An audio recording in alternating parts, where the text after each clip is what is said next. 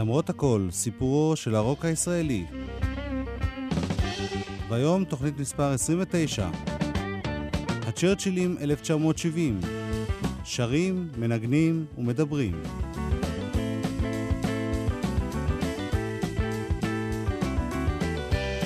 איתכם באולפן גלי צה"ל, הטכנאי אילן גביש, ואני יואב קוטנר, שעורך ומגיש.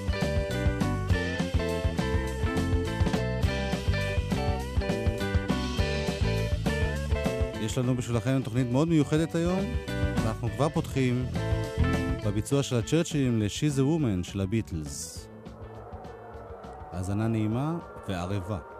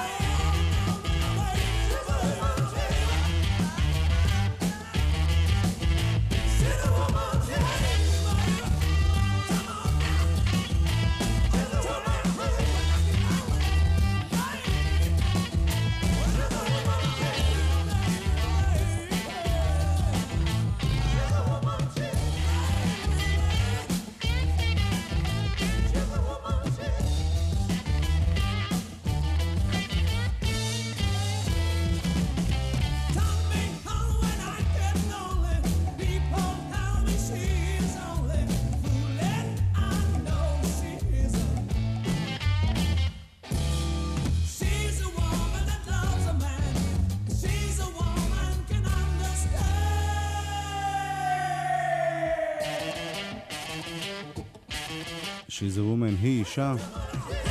הצ'רצ'ילים עושים ביטלס.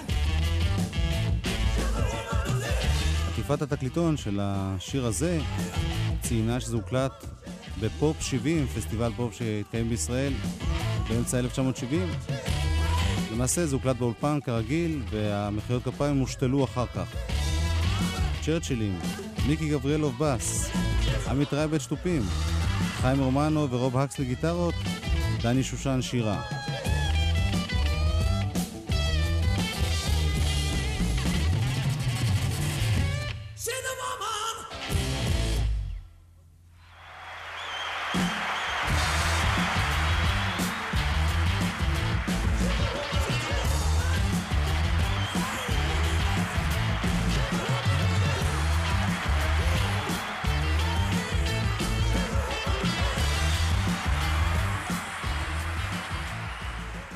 בצד השני של התקליטון הקליטו הצ'רצ'ילים קטע ישן של רוב הקסלי, קטע שבמקור נוגן בסרט השמלה. Sunshine Man.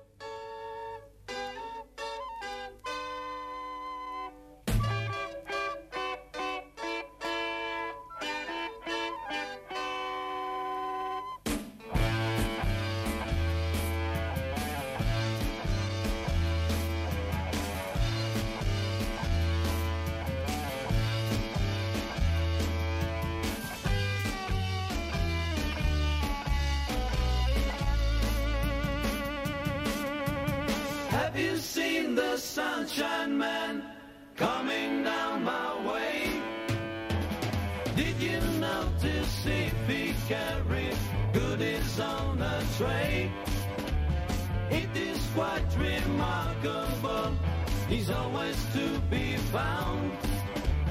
He can walk so silently. His feet don't touch the ground. Sunshine man, sunshine man. Have you noticed how his eyes are shining in the night? He can always reappear when the time is right. Did you notice if he carries things for you and me? He keeps himself so well concealed, nobody can see. Sunshine man, sunshine man.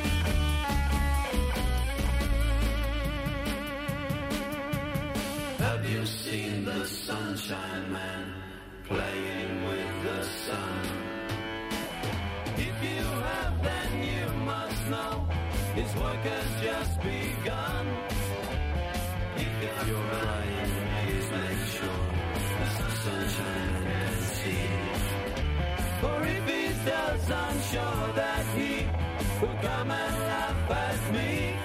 Sunshine man, sunshine man, sunshine man, sunshine man, sunshine man. Sunshine Man. הצ'רצ'ילים בתקליטון שיצא באוגוסט 1970, ועכשיו יש לנו כאן הפתעה גדולה. אני חייב uh, להודות שכאשר נתקלתי בקטעים הבאים שנשמע, התרגשות רבה אפפה אותי בתור חוקר הרוק הישראלי. מדובר בהקלטה מ-1970, מסוף אוגוסט, זמן קצר אחרי שיצא התקליטון הזה. הצ'רצ'ילים התארחו באולפן גלי צה"ל לתוכנית שנקראה מבט פנימה. תוכנית של אריה ארד ופיטר פריי. ביחד עם נועם שריף, בתור מראיין אורח, חקר אותם אריה ארד על פעילותם, על המוזיקה שלהם. הצ'רצ'ילים התארחו באולפן, דיברו, ניגנו. איתם גם המרגנם, יהודה טלית. ואני חושב שהתוכנית הזאת, כפי שהיא משקפת את רוח התקופה, את היחס לרוקנרול, יחס למוזיקה בארץ, יותר טוב מכל הדיבורים שלנו היום. את הדקות הבאות נבלה עם התוכנית ההיא מ-1970, וקודם כל קטע שבו חברי הלהקה מציגים את עצמם. ברקע אני מנגן עכשיו, ב-1995, את התקליט הראשון שלהם. במקור הם דיברו ככה נקי, בלי שום מוזיקה ברקע. הראשון שמציג את עצמו הוא עמית רייבץ', המתופף. היינו שלושה חבר'ה. זאת אומרת, אני והצ'רצ'יל האורגינל. זאת אומרת, ועוד אחד שגם היה מנגן איתנו פעם. הם שניהם ניגנו גיטרות. ואז התחילו הצלליות, התחילו להיכנס לרדיו וכל הדברים האלה, וזה קסם לנו. אז הם ניגנו שניהם גיטרות, ואני אמרתי, טוב, אז אני אקח את התקליט. פשוט קניתי טוב, והתחלתי לקשקש בבית, והאימא כמעט זרקה אותי מהבית בשביל זה. איזה טוב קנית, אם מותר לשאול? חלילי את מה שיש לי היום. אותו הטוב קנית.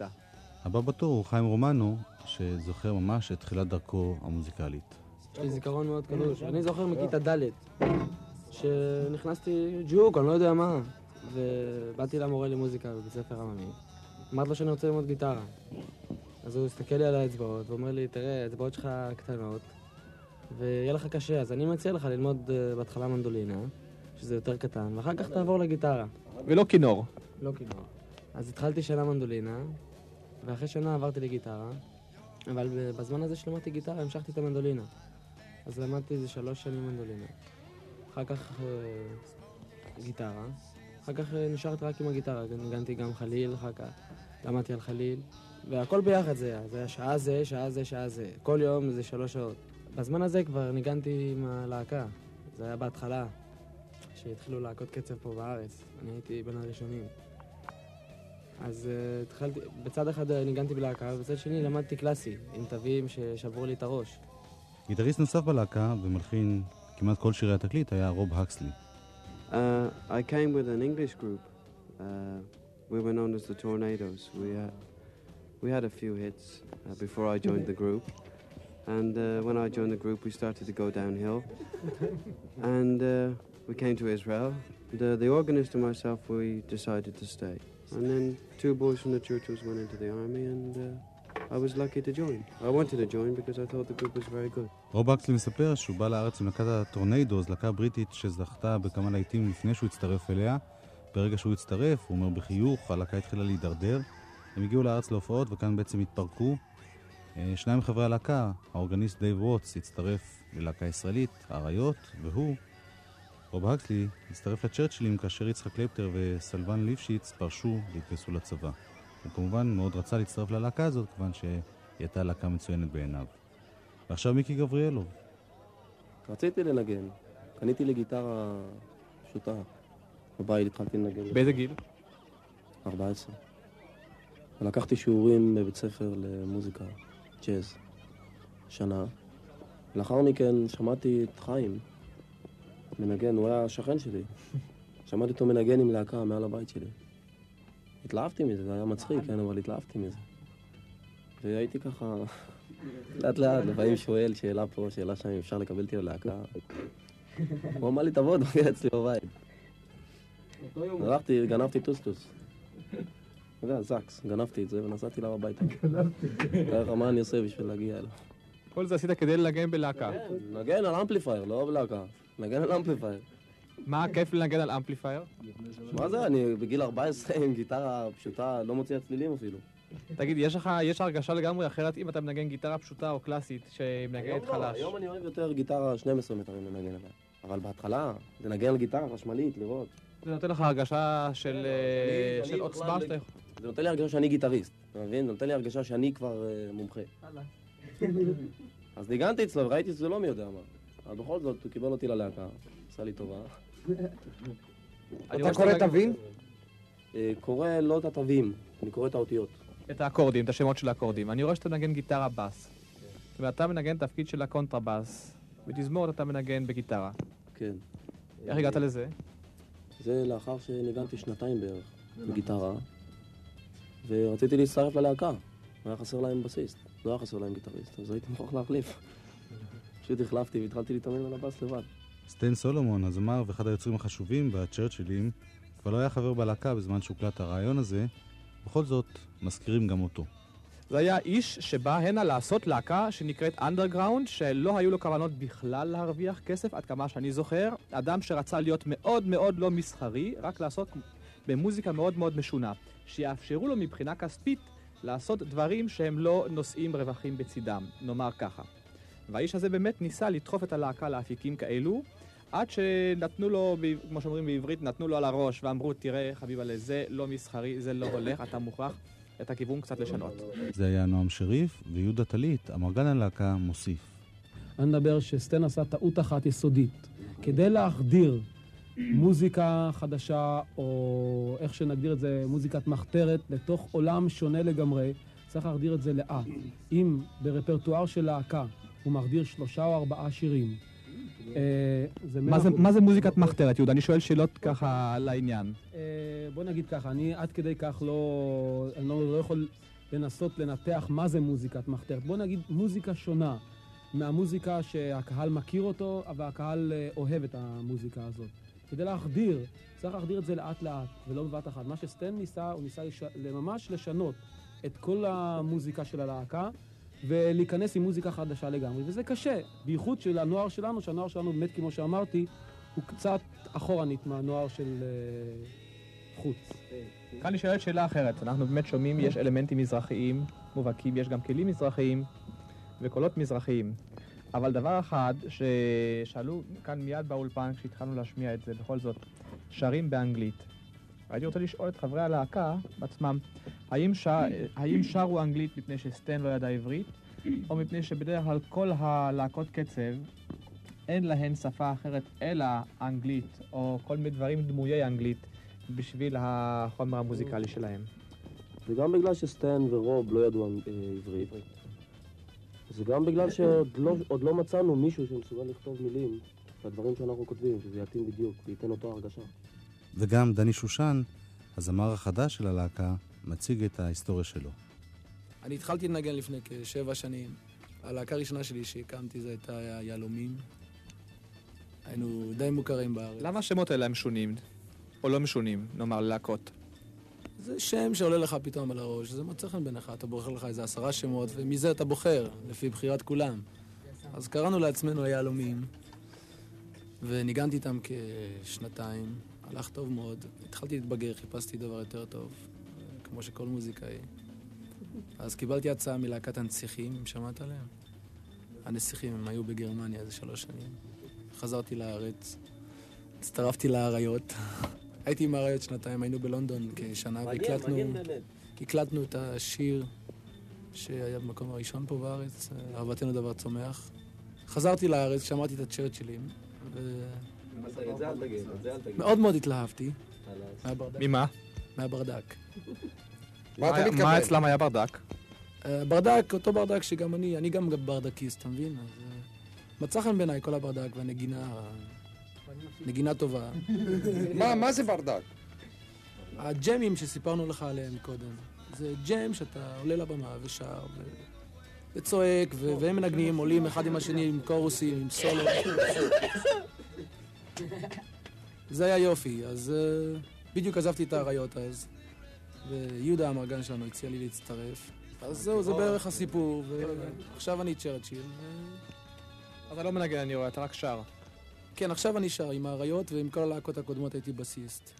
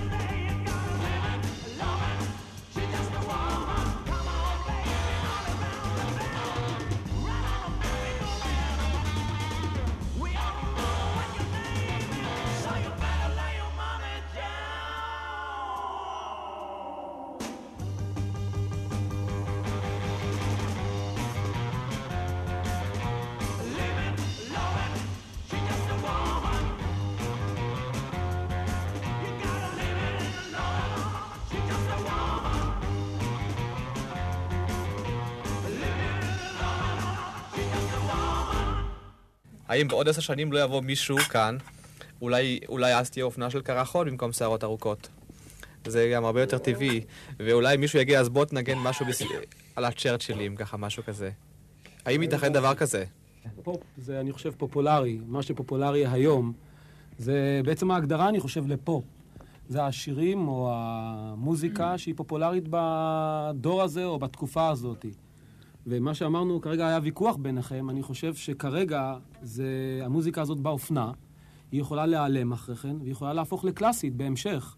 אם נג- נגדיר, אה, אני טוען שהביטלס, בתקופה, אני אקח עוד עשר שנים, הם יכולים להפוך לקלאסיים, זאת אומרת, יבוא דור חדש, אופנה חדשה, אה, ויראו את הביטלס בתור אה, קלאסי, משהו ששומעים כביכול הדור השמרני יותר של התקופה הזאת.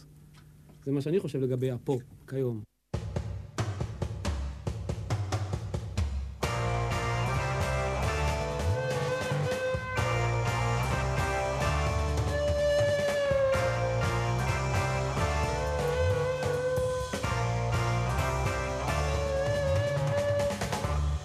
צ'רצ'יל סבסטיאן באך, ושוב, אל יהודה טלית, 1970.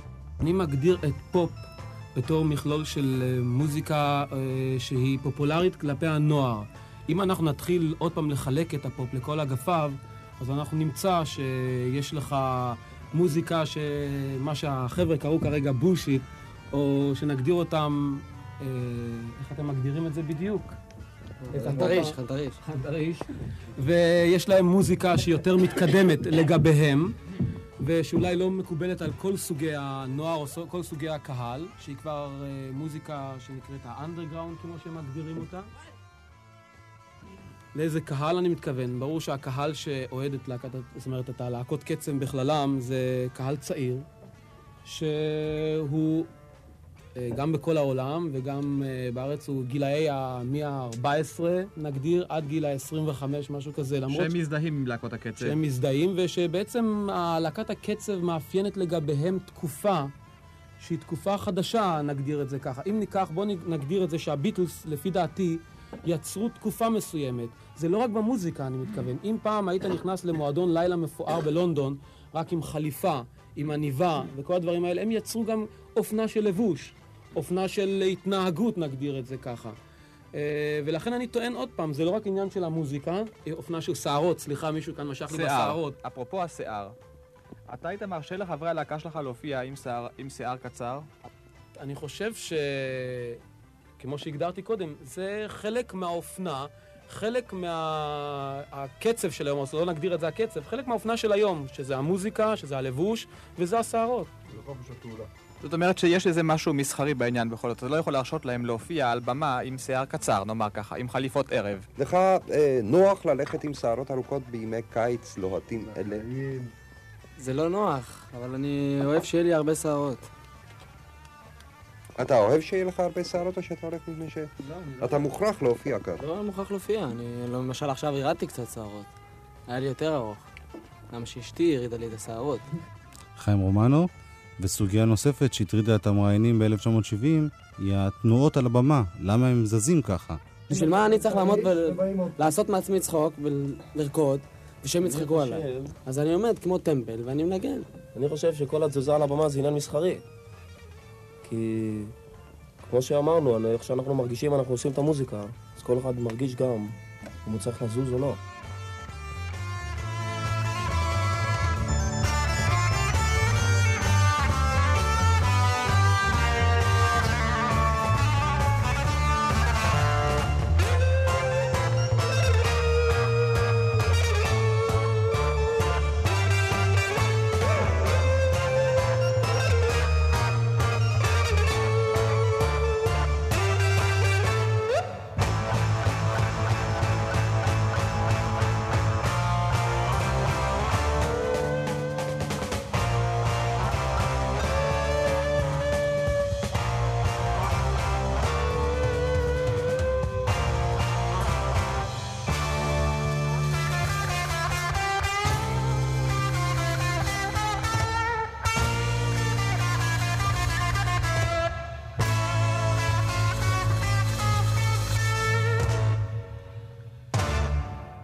הבמה, כשאנחנו עומדים, הקהל צועק לנו, הם לא יודעים לעשות דברים שלהם, רק דברים של להקות אחרות. מה זה צריך להביע? זאת אומרת, אה, רוצים, לא רוצים לשמוע את העיבוד הזה, רוצים לשמוע את המקור, או לא. שמה? הם פשוט צועקים לנו, אתם לא להקה. אתם לא יודעים אה, לאבד דברים שלכם, לא- אלא אתם יודעים רק לחכות להכות. אז תנגנו לנו אה, שירים מהמצעד.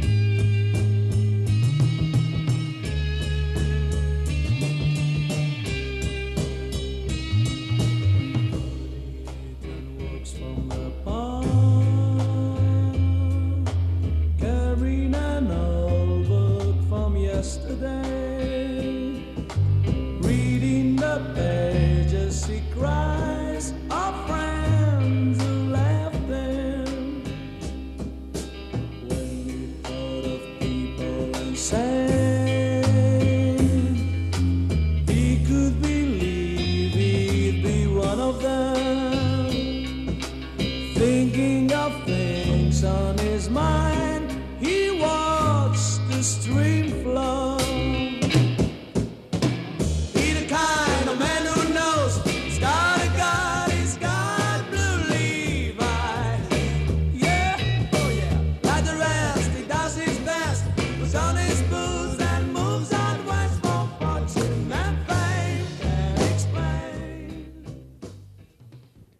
למה לי לקחת ללב בביצוע מאולתר באנגלית באולפן. בואו לא נשכח, הצ'רצ'ילים, חוץ מזה שהיו להקה עצמאית, גם ליוו את אריק איינשטיין בהקלטות ובהופעות.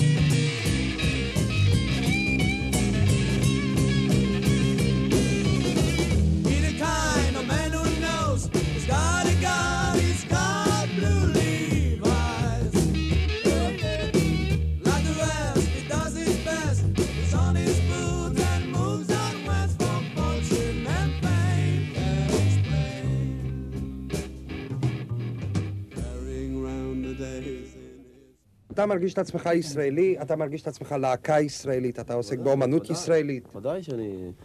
לא באמנות ישראלית, אבל להקה ישראלית כן. ואני מנסה להפוך את זה שגם האמנות הזאת שאני עושה, שבאה מחוץ לארץ, תשתווה לזה שיש לנו בארץ. איך- אתה מנסה לעשות אתה את זה שומע את זה ישראלי? ברדיו, אתה שומע את השירים העבריים ברדיו ואת השירים האנגליים ברדיו. איך, אתה מסוגל להשוות את זה? קוראים לכם להקת קצב כי מצפים שתנגנו כל הזמן טים, טק, טים, טק, טיק, טק, טים, טק. לא קוראים- לא ללהקה beat group. לא באים להקה, you a beat group, איך קוראים להם? just a group. השייכות, רגע אחד, השייכות לעניין של להקת קצב הוא טיפוסי. בוא תתחיל איזשהו קצב, אני אנגן לך על זה את יונתן הקטן, ונראה מה יוצא מזה. קצב חופשי.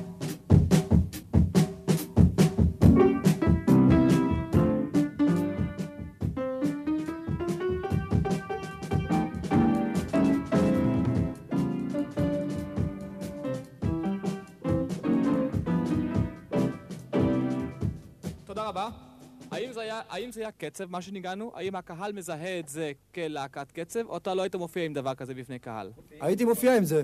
הייתי מופיע עם זה, אם היינו בפירוש. עושים את זה בביצוע- בביצוע יותר חדיש, לא כמו שזה היה פעם. עכשיו רגע אחד. Uh, הקצב שניגנת עכשיו, האם זה קצב מקובל אצלך לשירים בהופעות, או שאתה עושה קצבים אחרים? זה אחד הקצבים. נגן קצב שלפי דעתך מסעיר את הנוער. שאתה רואה בעיניים של אלה שרוקדים באולם באותו זמן שאתה מנגן, שזה מדובב אותם, שהם מזדהים עם זה. קצב כזה נגן.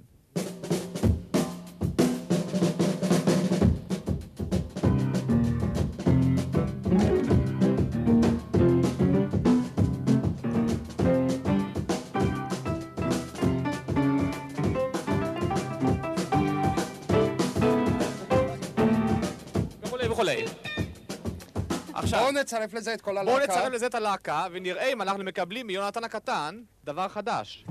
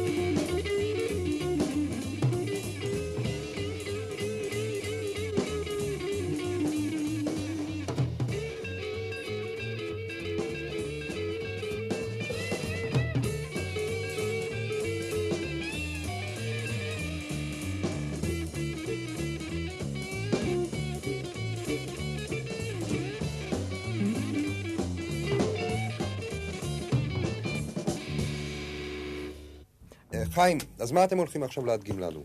אנחנו הולכים להדגים לכם את הברדק שנבצר, איך אומרים את זה? מתבצר. שנוצר. הברדק שנוצר עקב זה שאנחנו מנגנים פרי. אז אנחנו מנגנים שיר, שאנחנו יודעים שלמשל שהוא מתחיל את הסולו, ומתי שהוא מתחשק לו הוא מפסיק, ונכנסים לשיר. עכשיו קורה שלפעמים לא מתחשק לו שעה, אתה מבין? ולי זה כבר נמאס לחכות. אז אני נותן לו כאילו הבהוב, אני מתחיל סולו, שתבין, תפסיק. לפעמים הוא שומע, לפעמים הוא לא רוצה לשמוע. אז עכשיו אנחנו הולכים להראות את זה, איך שהוא לפעמים שומע, ופעם לפעמים הוא לא רוצה לשמוע, אז הוא לא ישמע. Oh,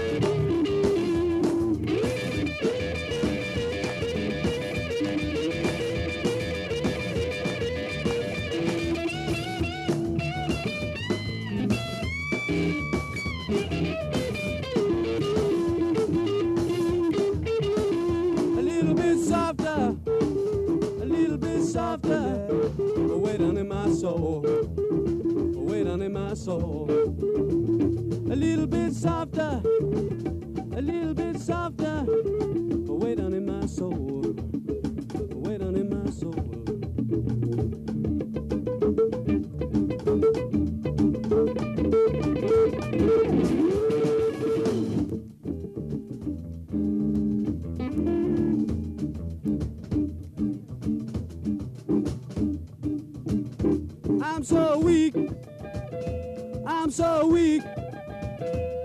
I am. Yes, I am. Whoa. I'm so weak. I'm so weak. Yes, I am. Oh, yeah. Yes, I am. A little bit higher. A little bit higher. A little bit higher. Do you want to say yeah?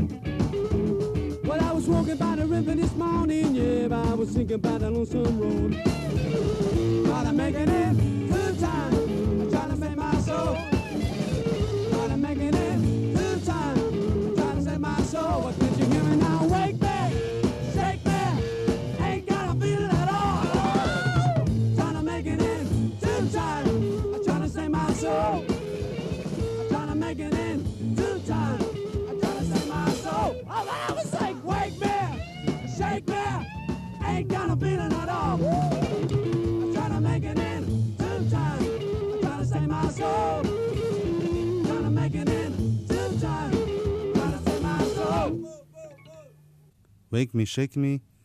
להזכירכם, אנחנו שומעים את הצ'רצ'ילים בתוכנית ב-1970, אמצע השנה באולפן גלי צה"ל. ממש אלתורים, עכשיו על שיר שלהם.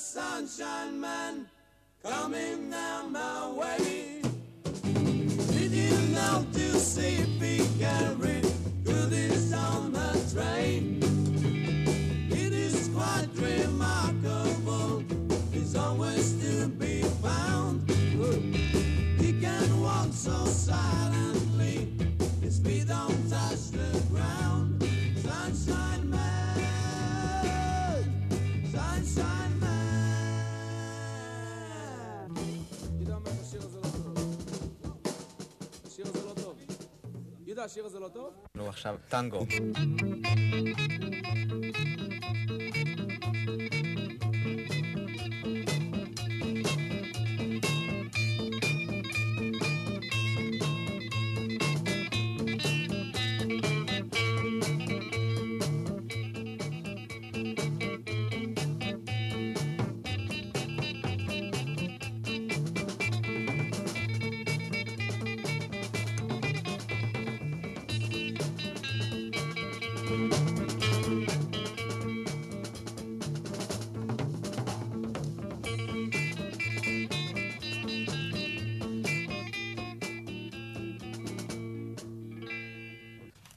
אברך, הצ'רצ'ילים באלתור, ועוד אלתור אחד לסיום, וטהר ליבנו.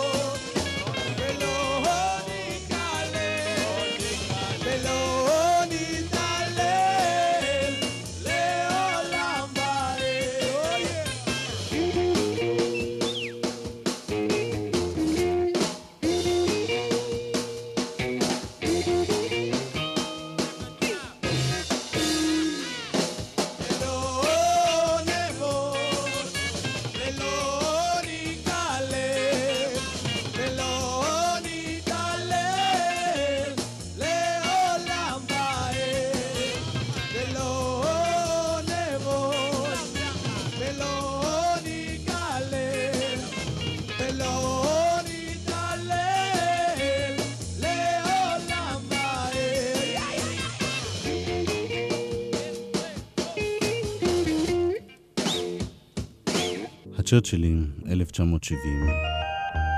עד כאן קטעים מתוך התוכנית, מבט פנימה, תוכנית שערכו אריה ארד ופיטר פריי.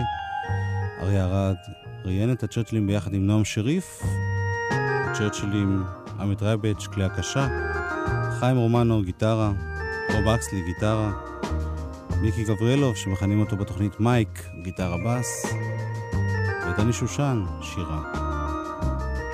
עד כאן התוכנית להיום. תודה לאילן גביש, הטכנאי, אני יואב קוטנר. נשוב בשבוע הבא. למרות הכל, להתראות.